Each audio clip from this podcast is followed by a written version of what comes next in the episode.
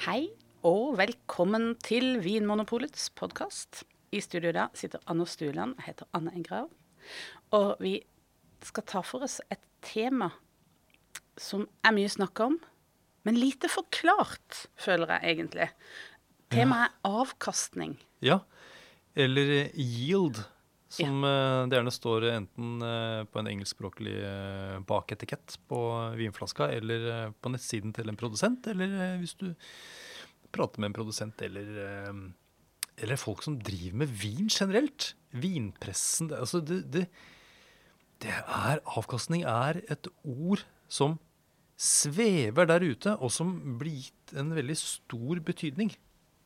Det er sant. Er det ikke det? Jo, og, og derfor så har vi eh, lenge snakka om denne episoden. Ja.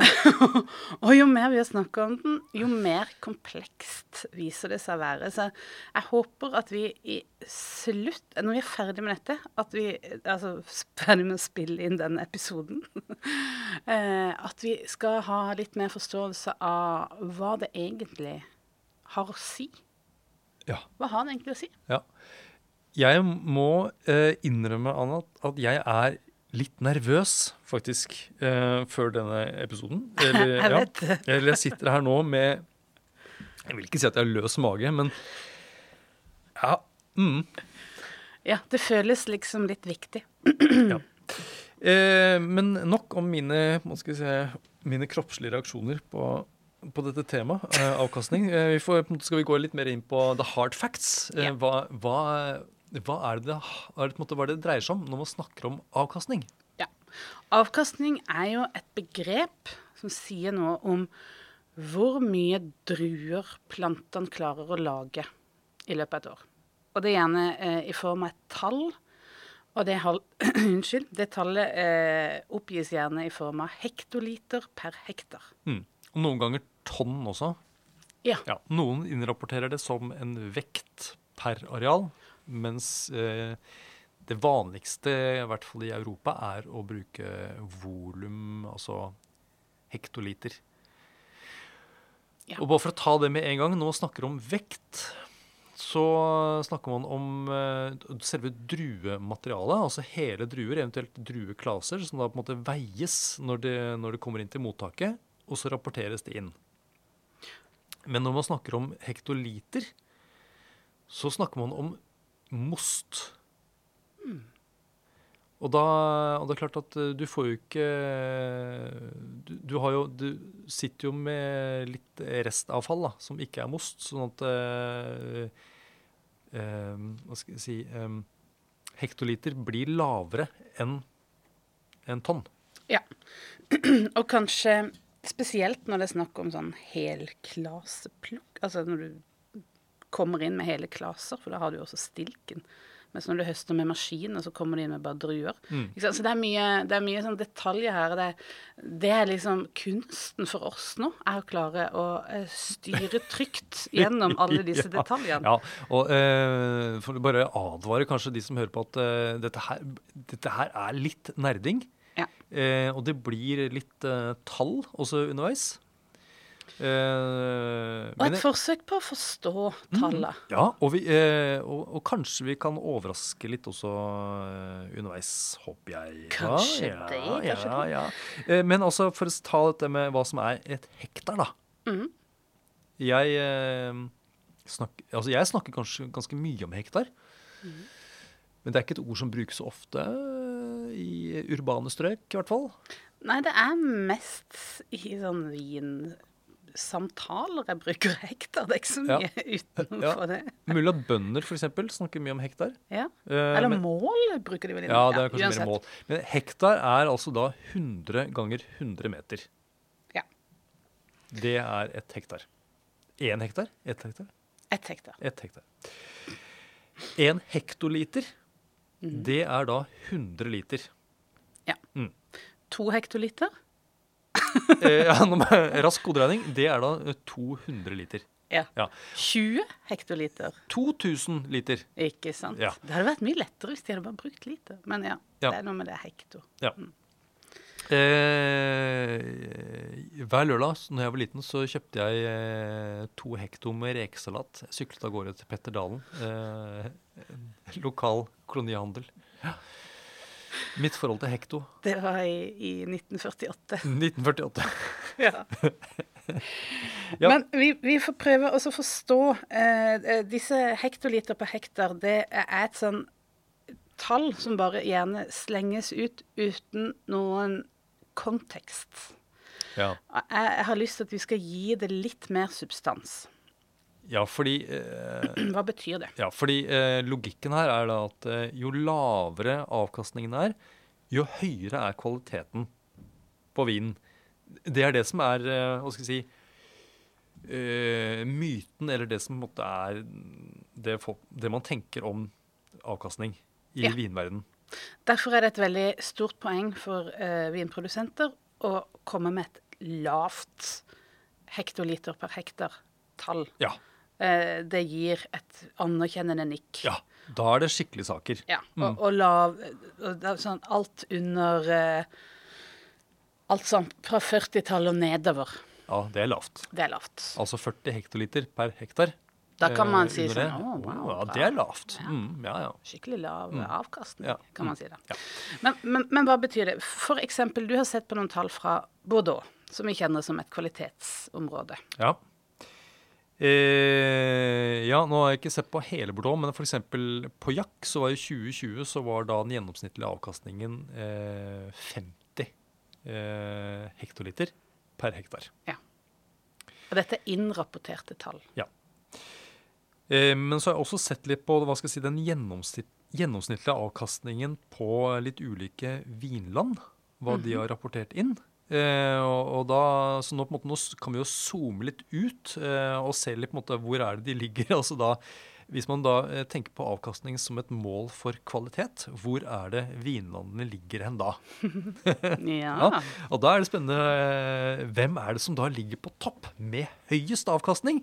Da vil jeg utfordre alle som hører på, at de skal prøve å tenke Bruk et halvt sekund på å tenke på ett vinland de tenker har høy avkastning. Ja. Har dere det i hodet? Ok, her kommer svaret. Tyskland. Det er litt uventa. Ja, det er det. Tyskland eh, har da gjennomsnittlig avkastning på 103 hektoliter per hektar. Eh, og så kommer Sør-Afrika med 73. Så det er et ganske stort eh, skal si, eh, fall. Det er vel kanskje riktigere å si det enn et hopp, egentlig. Og så kommer Australia på 55. Eh, litt overraskende, egentlig, fordi Australia er vel et sånt land man tenker på som et sånt land som produserer mye eh, såkalt bulkvin. Eh, ja. Og så kommer Frankrike og Italia med 52, eh, så ikke så langt unna Australia. Og så eh, kommer Spania med 30 hektoliter. Og hvis du husker det med denne gjennomsnittlige avkastningen eller avkastningen på, i Pauillac 2020 eh, i Bordeaux, som da var på 50, så ligger da Spania på gjennomsnitt 30. Og så kommer da Portugal med 23 hektoliter per hektar. Og det, mine, ja, mine damer og herrer, det betyr altså da at hvis vi skal måte bruke avkastning som et, en målestokk på kvalitet, eh, så er det Portugal og Spania som lager, som er de beste vinlandene i verden. Mens Tyskland eh, dessverre havner på bunn. Ja Stopp en halv. Men er det sånn? Ja, det er jo Altså man får jo, Jeg får jo veldig lyst til å liksom protestere eh, høylytt. Ja. Eh, også fordi at For det første, som sikkert mange sitter og tenker også, at dette her er veldig generelt. Og du tar med deg liksom alle nivåer, og dette her er liksom Her skjærer du med for eh, brei kam, da. Mm. Eh, men eh, det er jo interessant allikevel, for man tenker jo den her kvaliteten på eh, lav avkastningsviner handler om eh, at vinplanten konsentrerer eh, mer eh, godsakene sine utover færre druer. Så derfor blir vinen bedre. Og sånn at hvis det er gjennomsnittlig 23 hektoliter per hektar på all vinproduksjon i Portugal, Ja. så er jo det, må jo det være kjempekonsentrerte viner. Ja, for da ser man ja, nettopp at da er på en måte alle plantene har bare laget noen få druer som da har fått masse godsaker eh, i seg. Tettpakket av deilig smak. Eh, ja, for det er jo det som er liksom teorien bak her, ikke sant? Eh, nei, men, men, det ligger jo en forklaring bak eh, dette. fordi altså de fleste vet jo det at Tyskland lager eh, fantastisk gode viner, og det gjør Portugal også. Mm. Eh, alle disse landene vi har snakket om nå, eh, er jo egentlig lager god kvalitet og har, produserer både hva skal jeg si, ordinær vin, men også eh, fantastisk vin. Så, så, vi må liksom litt lenger inn i, i vi, vi, må zoome litt inn igjen, og så må vi prøve å, uh, å, forstå litt hva det er som gjør at noen områder får uh, lavere avkastning, og noen får høyere. Ja. Uh, hva er det som på en måte skjer? og så må vi forstå hvor Jeg får i hvert fall et veldig behov for å forstå hvor mye det egentlig er snakk om sånn ned på plantenivå. Ja. Og, og gjøre det til liksom mer sånn håndterbare størrelser. Ja. Det, det, når man snakker om avkastning, så, så har i hvert fall jeg fått inntrykk av at det handler om et aktivt valg hos vinbonden og vinprodusenten. Mm. At, uh, at, man må liksom kontrollere planten. Styre den mot å lage best mulig druer. Og det gjør man ved hjelp av avkastningen. Og da kan det virke som at de i Portugal har mer kontroll på plantene sine og tvinger dem til å lage mindre frukt.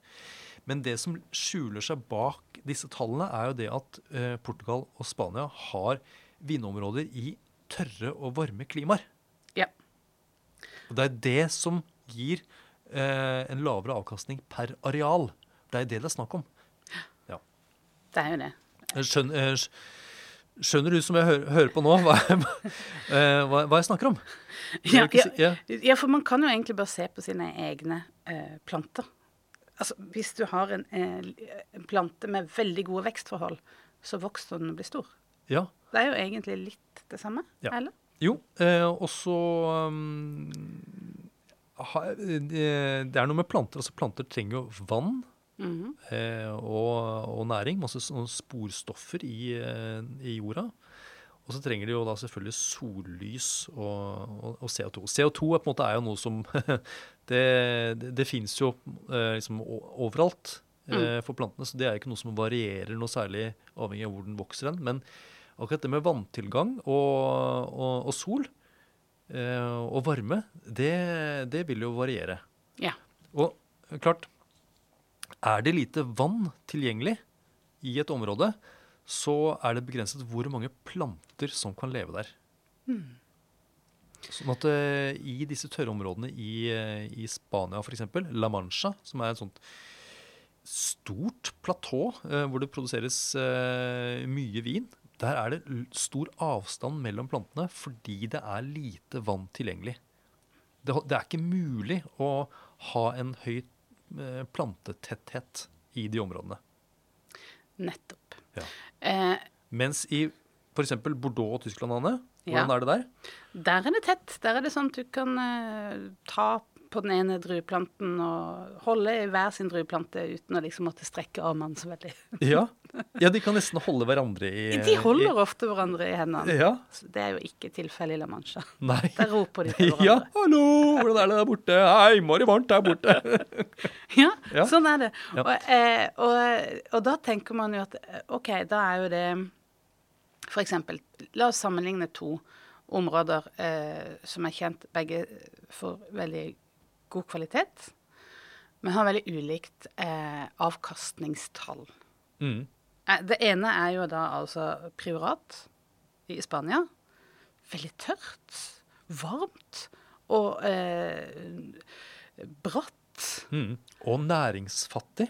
Og næringsfattig, mm. spesielt jordsmonn. Steinete sånn skiferjordsmonn. Skifer, ja. ja.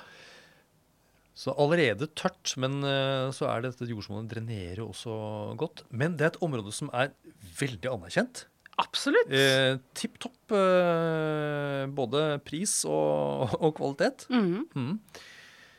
Og, og, så kan vi da ta eh, Bordeaux. Du hadde ja. jo sett på Var det på jakt? Eller du hadde sett på to anerkjente eh,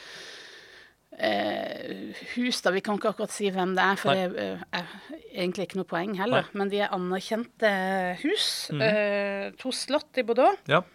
Eh, hvis vi tar Bordeaux først, da. ja. Der er det vanligvis Hvor mange planter er det man planter per hektar der? Ja, det kan jo ligge sånn type 7 til 10 000. Eh, noen planter noe enda tettere. Men la oss si 10 000 planter per hektar, da, som en sånn, eh, sånt moderne ideal. Mm. Eh, og det er noe de kan gjøre fordi, hva skal jeg si, jordsmonnets potensiale er såpass høyt. Eh, det, har, det, er liksom, det er nok næring, det er nok vann eh, i områdene. Nettopp. Eh, så da har du sett hvor mye får de da ut av disse 10 000 plantene Ja. denne hektaren? Ja. Eh, disse to eh, anerkjente slottene som ligger eh, rett i nærheten av hverandre, eh, hadde i, i utgangspunktet to ulike mål for, av, eh, for avkastning. Det første slottet eh, hadde bestemt seg for å nå målet 45 hektoliter mm. per hektar, altså eh, 4500 liter. Mhm. Andre slottet hadde bestemt seg for 33 hektoliter. 3300 liter. Så de hadde allerede ulike mål de, de, som det ene slottet ville ha på en måte enda lavere avkastning. Eh, Da syns jeg det er litt interessant å se hva utgjør det. Eh, Hva betyr det sånn eh, helt spesifikt? Hvor mye laver en vinplante? Ja, nettopp, for nå går vi inn på planten og ser på en måte hvor, hvor mye er det da den planten faktisk bærer når de har satt de målene. Ja.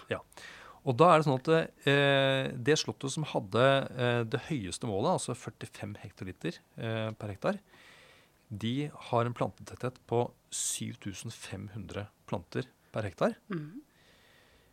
Eh, så da havnet eh, Da produserte hver plante 0,6 liter eh, druemost. Akkurat. Så er omtrent en flaske. Nesten en flaske, Nesten en flaske. på det. Nettopp. Mens dette slottet, som hadde eh, et lavere avkastningsmål, altså 33 hektoliter per hektar, hadde enda flere planter per hektar. De var oppe i 10 000 planter per hektar. Og da eh, ga hver plante kun 0,33 liter. Altså Eh, omtrent most. en halvflaske? En halvflaske. Så det utgjør egentlig en ganske stor forskjell. Ja, så to veldig anerkjente slott i Bordeaux. Eh, had, had, på en måte, det, det er det ene slottet lar plantene sine produsere dobbelt så mye som det andre. Nettopp.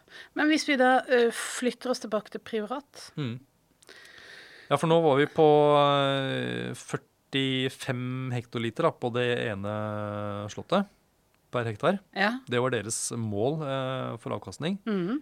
Og det er litt gøy, fordi det er faktisk det som er maksgrensen for avkastningen i priorat. Akkurat. Der er det ikke lov å, å liksom, lage mer, mer vin, eller liksom, produsere most mer enn det. Mm. Men av potensialet i området, Ja. eh, og det er så tørt og varmt, så er det vanligvis ikke mulig å få til mer enn fem hektoliter per hektar. Oh my god! Altså det må jo være helt sykt konsentrerte viner, tenker jeg. Ja. Men, men det som er litt pussig, at hvis du bryter dette ned, da, ja. hva har det egentlig å si for planten? Altså sånn, Hvor mye produserer hver plante, da? En drue hver, liksom? Nei, eh, nå har ikke jeg eh, finregnet på det, men også i priorat så er, det, er jo plantetettheten mye, mye lavere. Vi er nede på eh, kanskje 1000 per eh, hektar. Eh, så da har vi jo på en måte en tiendedel da, av eh, det som er den nye normalen i Bordeaux. ja. Og det er klart, eh, da er det bare Altså fem hektoliter er det vanlig å få ut i priorat, men da kan man altså, Det tilsvarer da egentlig Det blir 50 hektoliter i Bordeaux. Ja. Altså hvis man sammenligner med antall planter. Ikke sant. Ja. Så her allerede eh, så har eh, hele dette her avkastningsbegrepet eksplodert litt for meg. Fordi det ligger så mye mer i det tallet som gjerne bare slenges ut på egen hånd.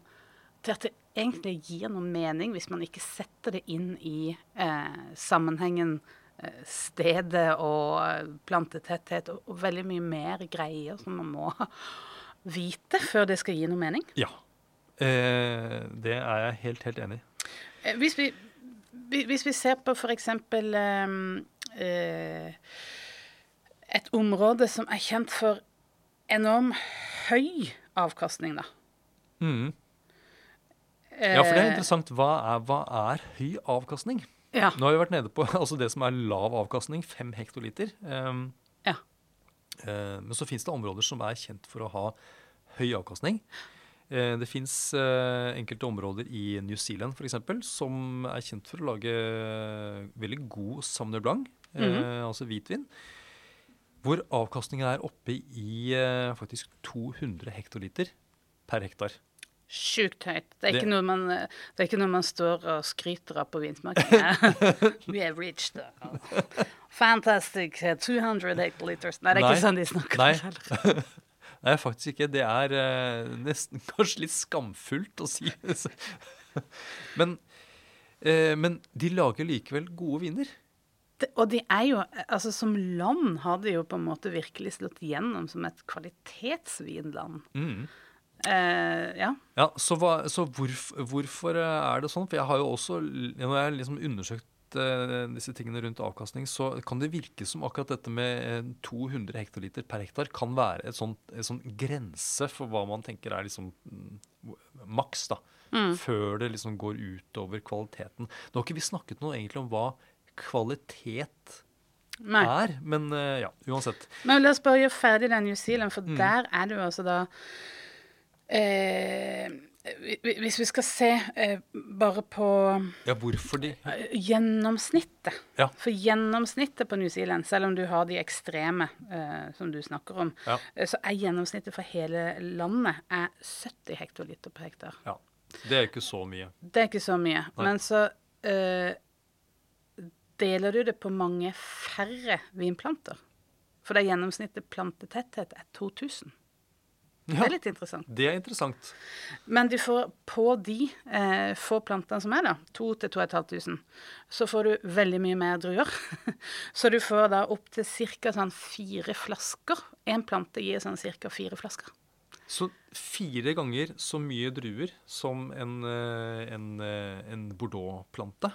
Ja. Mm. Og det er med 70 hektoliter per hektar, som man fint kan stå og skryte på en vinsmaking, at det er uten å liksom måtte mumle det. Ja, ja. Eh, men allikevel så har det ganske stor betydning for, eh, for hva som blir avkastninga per plante. ja. Men likevel så blir altså kvaliteten god nok, selv om det er så mye druer på planten. Så det er på en måte, Vi skal jo snakke litt mer om det nå eh, Ja. etterpå. Hva, hva, som, hva er det som er sammenhengen her mellom hva skal jeg si, druekvaliteten eh, og liksom størrelse og, avkastning. Men det, det handler jo om det at eh, i New Zealand så er det det er, eh, det er mye det er høyere UV-stråling der, eh, stort sett, enn en del andre vinland. Det er jo én ting. Så sollyset er eh, eh, Hva skal jeg si Øker graden av fotosyntese Ja. i, i planten. Og I tillegg så er det jo eh, ganske næringsrikt eh, jordsmonn. Og tilstrekkelig med vann. ja. Og god nok temperatur. Ja. Du har alt Mm. liggende klart. Perfekte forhold, egentlig. Så planten kan yte maksimalt. Ja. Mm, ja, nei, men vi må, vi må bore mer. Vi, nå har vi. allerede begynt eh, på noen tall. Ja. Eh, og vi har snakka litt om på stedets potensial, men jeg syns vi skal bare også nevne det at eh, metoden du bruker for å lage vin, som igjen da gjenspeiler hvilken vinstil du vil lage, vil også påvirke avkastninga mye. Mm. Vi hopper tilbake til Bordeaux. ja. Og så tar eh, bare sånn lite kikk på tallene bak eh, avkastninga i Sautern. Der Ja. den der eh, berømte eh, dessertvinen Sautern. ja. Eh, og der er det jo veldig lav avkastning. Vi er nede i sånn eh, maksgrense 25 hektoliter. Men ofte ikke mer enn 9 hektoliter som er avkastninga. Eh, og plantetettheten der, nå har jeg ikke de tallene akkurat foran meg nå, men den er også ganske høy. Mm. Ja, for den er sånn Ja, det er jo Bordeaux, dette her. Så Den er jo omtrent den samme. tror det ligger på sånn rundt 7000. Så der er det eh, eh, Det vi har funnet ut av der, er jo egentlig at hver plante eh, som lager sauternvin, gir egentlig ett glass vin istedenfor en flaske. Ja. Så det sier jo noe om liksom hvor mye eh, hver plante må gi, da. For, altså hvor mye planter du egentlig må ha for å få til eh, ja. den vinen du vil lage. Men, eh, og dette skal vi også snakke mer om, men altså, det, handler, dette handler litt om hvordan er det man når dette målet med, med lav avkastning eventuelt. Og i dette eksempelet med sautern, så er det sånn at eh, plantene i utgangspunktet starter med eh, vel ofte ganske mye mer druer enn det som blir høstet inn. Eh, mens en del andre områder så, så, så på en måte så starter man med altså eh, mengde frukt og prøver å holde det liksom gjennom egentlig hele eh, helt, til, helt til slutt. Men i sautern så er det flere ting som gjør at, man, at mange av druene faller av eller blir sortert ut. Og de som blir igjen, de skrumper inn. Ja. Ikke sant? Så du, du fordamper jo eh, på vinstokken. Ja. Så du sitter jo igjen da med til slutt da ett glass per plante. Ja. For, fordi her, Dette er jo en vin som, eh, som produseres eh, av druer som er angrepet av edelråte, altså botrytis. Eh, og noen ganger så, så, så kan man også få eh, altså, dårlig råte eh, inni her. Og dette er jo da ting som man må sortere ut, uh, f.eks. Og så kan det være at ting ikke er angrepet nok eller modent nok. og sånt. noe. Så det er underveis i denne prosessen for å lage denne typen vin, så, så, så blir det fort sortert ut veldig mye druer. Mm.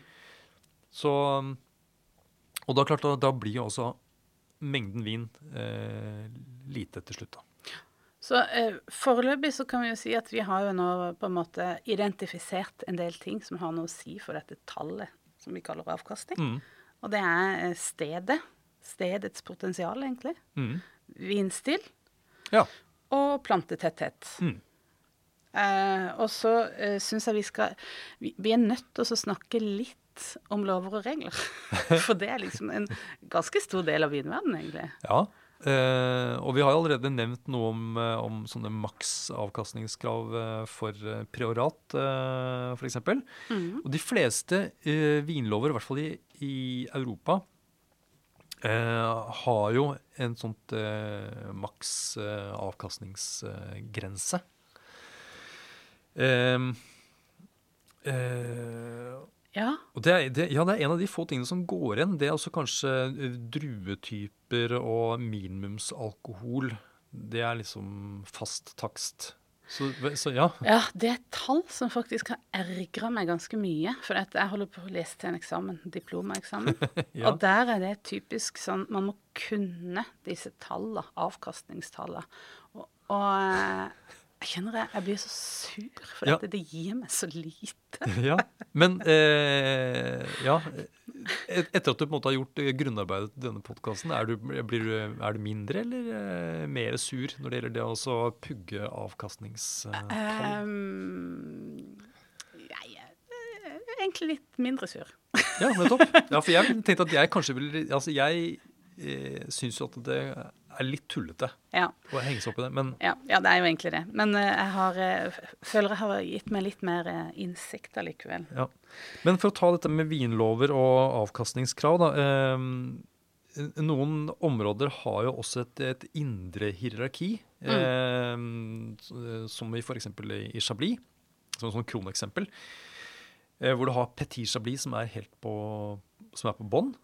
Og så har du Grand Cru Chablis, som da er liksom den, de beste vinmarkene og den beste vinen fra Chablis. Mhm. Og så har du da disse, så har du Chablis og Premier Cru da, i, imellom. Og det finurlige i vinloven i Chablis er jo at de ikke bare at de har eh, klassifisert vinmarkene, altså at de har eh, definert dem geografisk, Mhm. men at de sier at det er ulike avkastningskrav for disse eh, nivåene. Og det er egentlig ikke så veldig mye mer som ligger i vinloven i Chablis. Det er stedet, selvfølgelig, som Ja. kanskje er det viktigste. Avgrensning av det. Her, det er dette stedet. Og druer. Det skal være chardonnay. Men så er det den tredje tingen, avkastning, da. Ja. Så, så, så det er jo noe som tillegges Når jeg ser det, så tenker jeg å det er jo Det er kjempeviktig. kjempeviktig. Ja, Nå sa jeg med litt, litt sånn tullestemme. Ja. Fordi poenget mitt er jo at de er jo Forskjellene i kravene er jo minimale.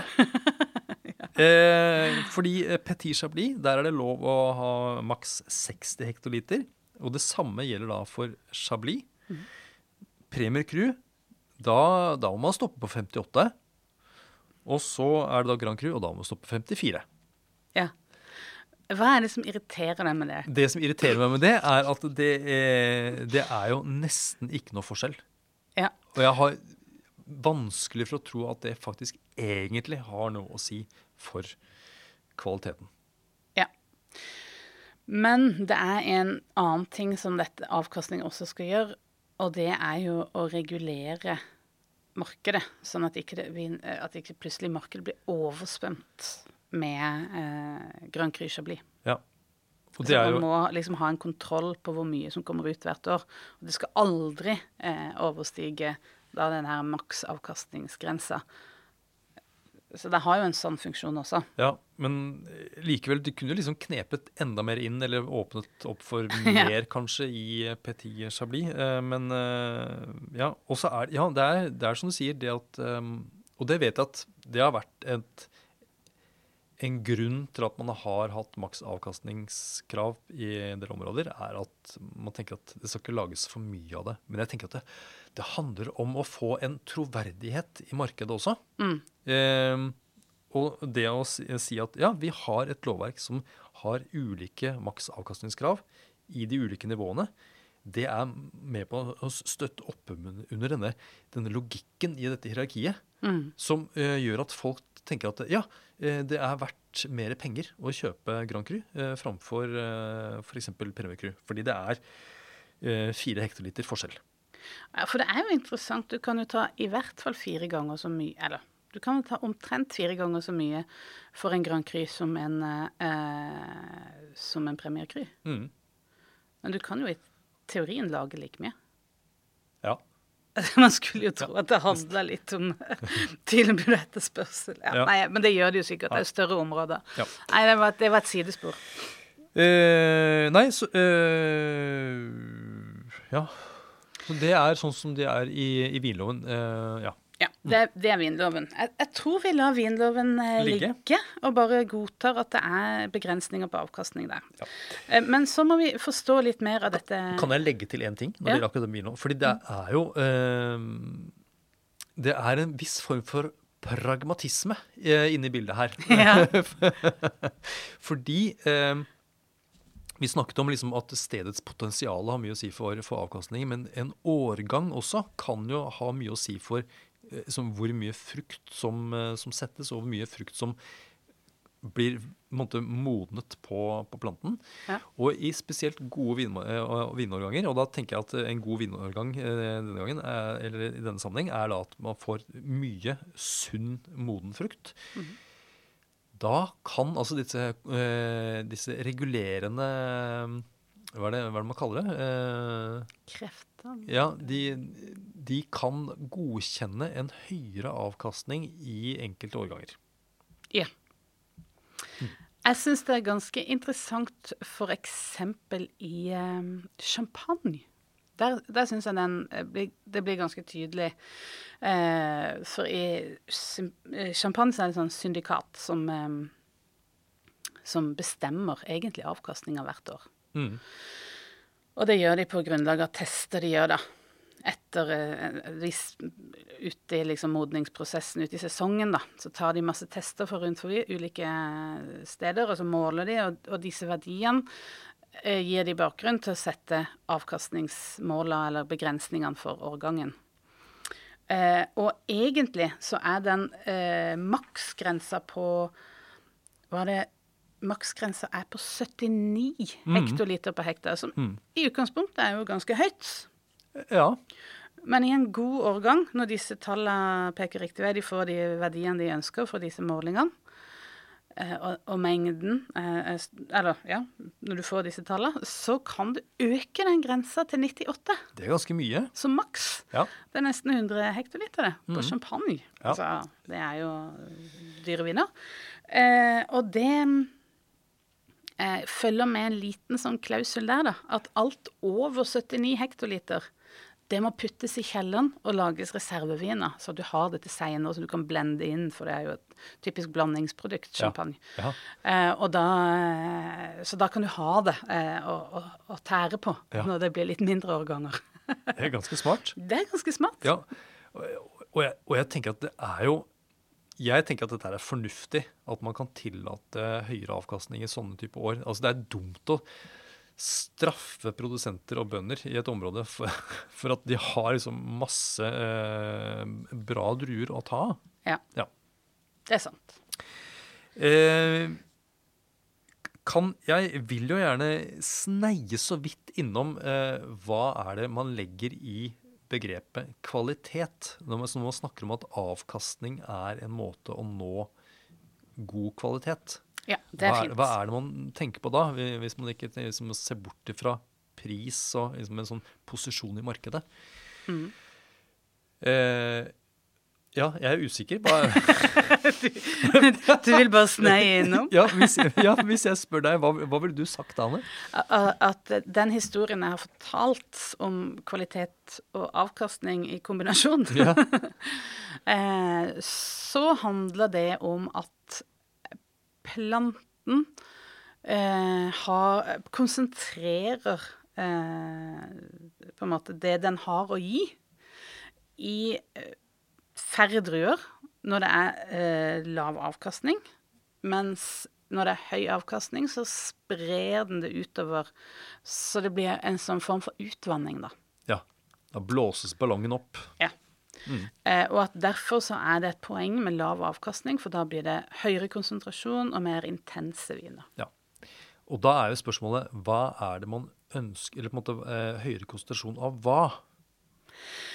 Ja, altså Sånn som jeg bruker konsentrasjon, så handler det jo om aromakonsentrasjon, fruktkonsentrasjon. Mm. Altså de eh, konsentrasjonen av de aromastoffene fra drua. Ja. Ikke fra nødvendigvis fat eller ja. andre ting. Da. Ja, for det, eh, det, tenker jeg også at um, det som skiller altså en, en uh, god og en mindre god vin, det er jo ikke uh, hvor mye alkohol det er i vinen. Uh, for eksempel. Det, det, er ikke så viktig. De fleste viner ligger liksom mellom 12 og, og 15% Men det som skiller dem, er jo hva skal jeg si eh, som, Hvor mye aroma det er i vinen, og hvor, som, hvor liksom, stort spenn det er, hvor komplekst det er, hvor lang ettersmaken er. Mm. Og det handler jo ikke om alkohol eller sukkermodning nødvendigvis. Eh, og så er det klart at munnfølelse, altså denne med snerp eller tannin, eh, kan jo være en del av bildet. At en vin som er veldig sånn grov i munnfølelsen, er jo ikke noe bra. Som, noen snakker om at liksom, fenolene, altså disse tanninene i vinen, som også modnes etter hvert på, i druen, eh, at det har noe å si for kvalitet. Men jeg tenker viktigst av alt mm. aroma. Mm. Og der er det da eh, en rekke stoffer og forløpere, altså stoffer som gjennom gjæringen blir aromaaktive stoffer, eh, som finnes i druen. Eh, mm. Det er snakk om flere hundre stoffer. Nettopp. Og de det er et, sånn, eh, et felt som er i ferd med å bli kartlagt, mens man egentlig ikke har eh, noe spesielt god oversikt over ennå. Men det man har funnet ut, er at dannelsen av disse stoffene eh, øker på slutten av modningsfasen i druen. Så det er den siste delen der du får liksom plukka med deg de kvalitetene som Siste delen av modninga. Ja. Som, eh, der du får plukka med deg de kvalitetene som uh, vil gi utslag i uh, økt Økt kvalitet, da. Økt kvalitet. Ja, nettopp. Så den økte kvaliteten den kommer liksom på denne sånn sjarmøretappen. Ja. Helt på tampen. Men ellers er modning handler jo også om sukkermodning. Ja. Og om altså bare få nok sukker i drua til at du kan lage en vin som ikke bare er syrlig og skrinn. Mm. Som jo har vært tilfellet for mange i eh, marginale strøk. Eh, kanskje opp til nå. Ja, det, ja, for det er jo det som det, det er det som har vært Altså målingen av graden av modning eh, henger sammen med liksom, sukker veldig ofte. Ja. Men eh, man har ikke hatt noen eh, mulighet til å måle disse aromastoffene, eller modningen av aromastoffer, på noen god måte. Nei. Så Og det er ikke så lett å kjenne når du spiser en moden vindrue, hvordan vinen kommer til å bli. nei. For de smaker ganske likt. Men kanskje de som er veldig godt trent, har sikkert noen ting de kjenner etter. Men uansett, ikke så lett å kjenne. Nei. Så, um, uh, og det med avkastning og modning, det, uh, det viser at det henger sammen uh, veldig ofte. Eh, men så er spørsmålet er sukkermodning tilstrekkelig for å gi eh, god kvalitet. Nei, ikke alltid. Man må på en måte få med seg denne aromamodningen også for å få god kvalitet.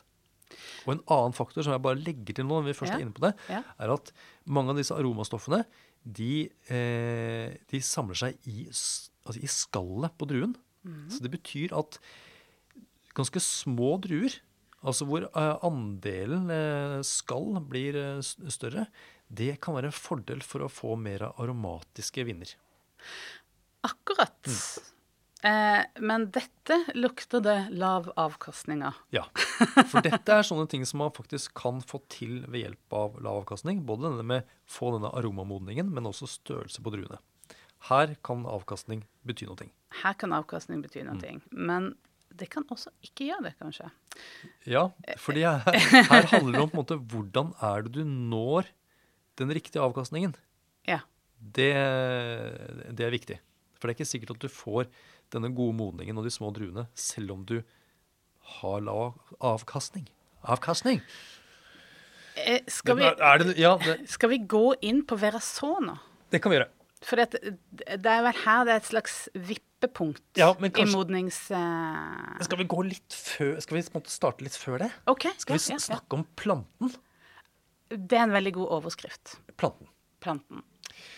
Fordi vinplanten er jo som alle andre planter røtter eh, som suger til seg vann og næring, og så har den da et, et bladverk. Og hver sesong så, så bygger jo planten nytt bladverk. Ja.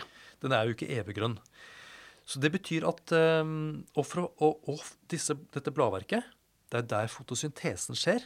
Eh, og eh, det som har med sukker å gjøre, det må Altså, man trenger fotosyntese for å danne sukker. Så det blir ikke modne druer uten bladverk. Så på en måte kan man si at bladene, de er fabrikkene som lager eh, druer Sukkerfabrikkene. sukkerfabrikker. Og det betyr at i den eh, hva skal jeg si, første delen av vekstsesongen så er det viktig at planten har nok næring, vann og sol eh, til å bygge fabrikkene. For da er det liksom det er en ny sesong. Det fins ikke noen fabrikker. Fabrikkene må bygges. Og da og, Rigge organisasjonen, Nettopp. som vi ville sagt ja, her. Og, og samtidig som dette skjer, så, er det så, så, så skjer det en blomstring, ikke sant? Og så, så settes jo frukten. Ja, det er egentlig en ganske viktig prosess. Mm. Men du kan Ja, eh, du, du er jo ennå ikke kommet til noe eh, frukt, eh, produksjon av frukt, da. Nei, Sånn sett. men man, har, ja. Mm. man liksom legger grunnlaget. Eh, planten bygges.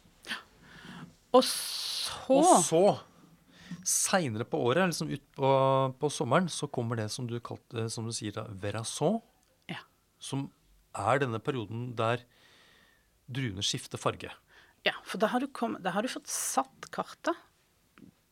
Den eh, planten har liksom satt alle kartene sine. Blomstringa har vært, og det har eh, eh, Det henger små, harde klumper, egentlig. Mm. De er jo helt harde, og alle er grønne. Ja. helt fram til så. Og de er ikke søte, for å si det sånn. De er ikke søte, de er skikkelig sure. Ja. Så syre er på plass. Syre er på plass, men det fins ikke sukker. Ja. Men så der, der, Og, og, og fram til nå så er det da noe som kalles for vedvevet. Eh, som tar seg av måte, transporten av næring og vann opp til, eh, plant, eh, til, eh, til bladene.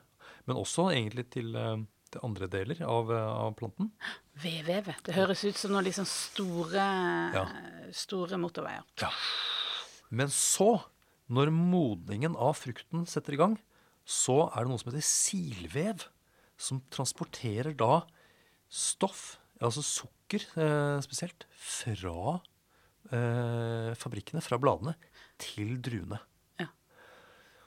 Og da er det sånn at planten, hvis den får for mye vann og næring i denne modningsfasen, altså den siste halvdelen av eh, vekstsesongen, så eh, tenker den at oi, her kan jeg liksom både sette frukt og eh, liksom vokse videre. Så da bruker den også energi på å, å, å bygge mer blader og stengel. Og det går utover modningen av druene. Ja, for da bruker du, da bruker du den eh, Det er jo egentlig sukker som bygger eh, blad og stengel også. Ja. Så da bruker du det, kanaliserer du det ut i vedvevet igjen. Istedenfor å gå ut i silvevet, Ja, som sikkert er mindre ja det, det kanaliseres da ja, Istedenfor til, til druene, så går det til andre steder. Eller det går jo til druene også, men at det fordeles, da. Ja. Så Og det- her ligger det noe Her avkastning ligger, Nettopp. Og her ligger liksom hemmeligheten til kvalitet, eh, tenker jeg, er, er da at en plante som har liksom kommet så langt at den har nådd veraså, den bør ikke ha for mye vann. Eh, eh, og fordi altså, vann gjør, øker altså tilgangen til næring, selvfølgelig. Og den bør heller ikke ha for mye næring.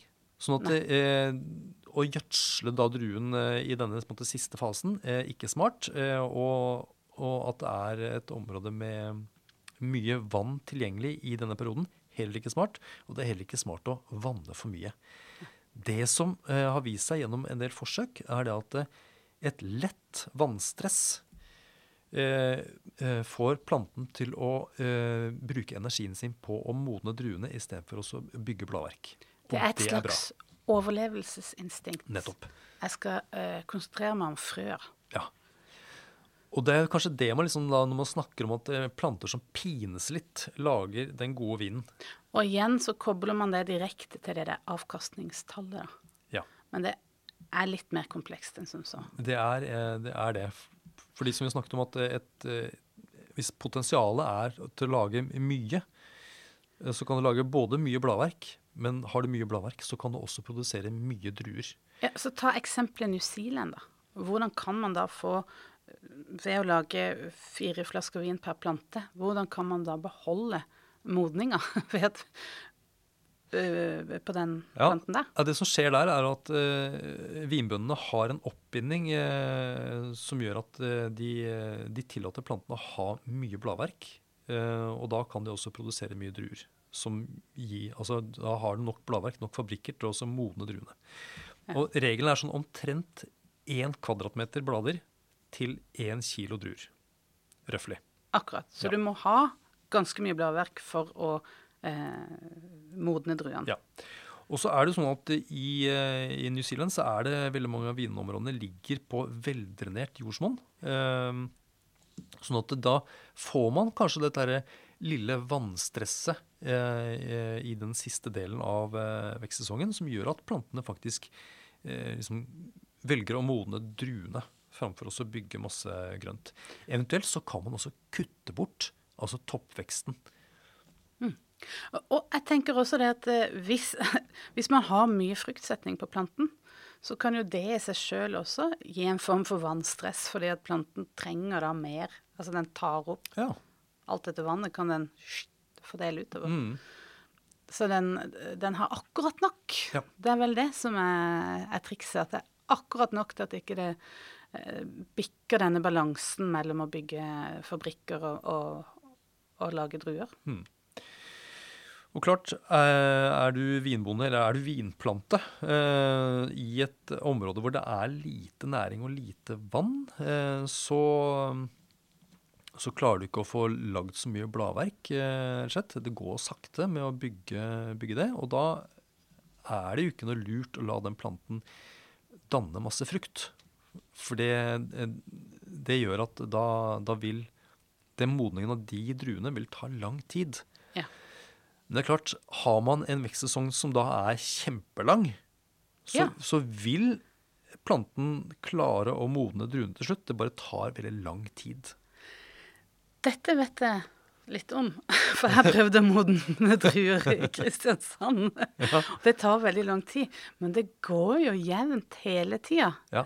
Eh, Så det hadde det ikke vært for at på høsten så blir det kaldere, og den kulda eh, gir et signal til planten om å miste bladene. Og da har du ikke lenger noen sukkerfabrikker. Nei. Og da er stopper modninga. Men hadde de bladene vært eviggrønne, så ville jo de druene blitt modne. De hadde bare blitt modne i januar, eller noe sånt. Ja.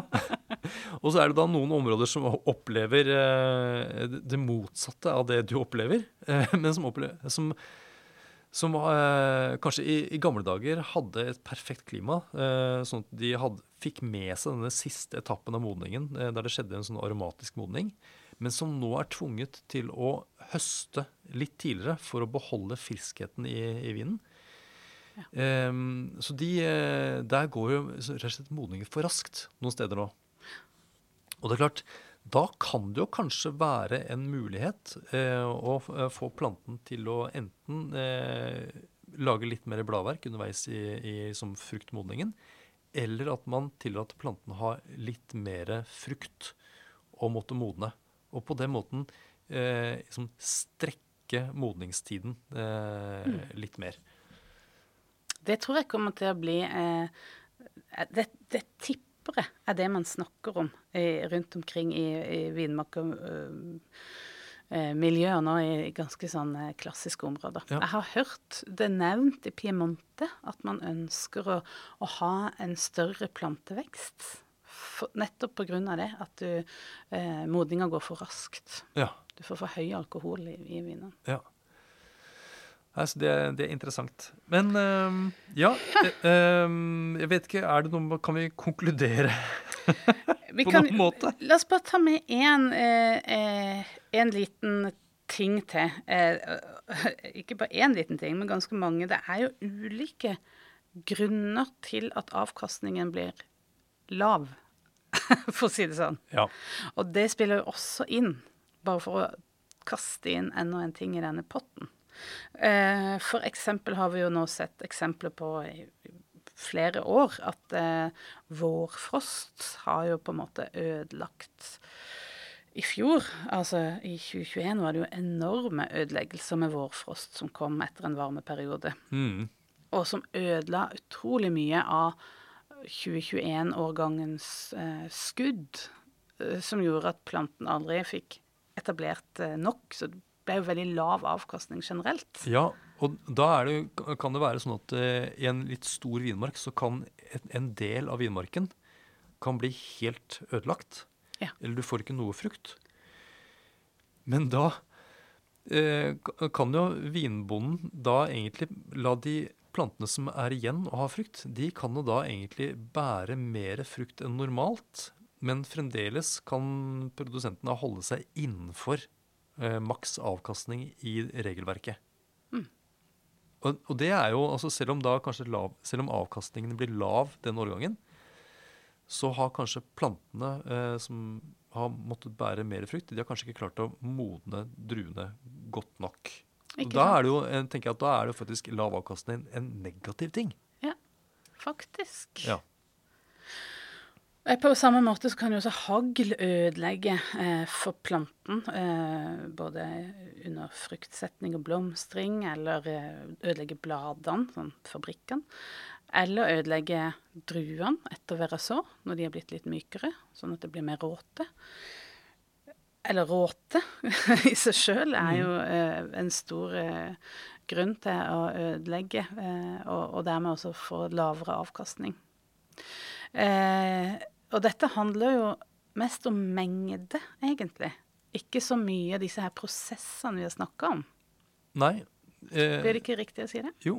Eh, men, men det bare det vi viser det at, eh, det at en lav avkastning et år behøver ikke å henge sammen med kvalitet automatisk. Det kan like gjerne henge sammen med et problematisk år som har vært utfordrende både for liksom, bonde og plante. Mm.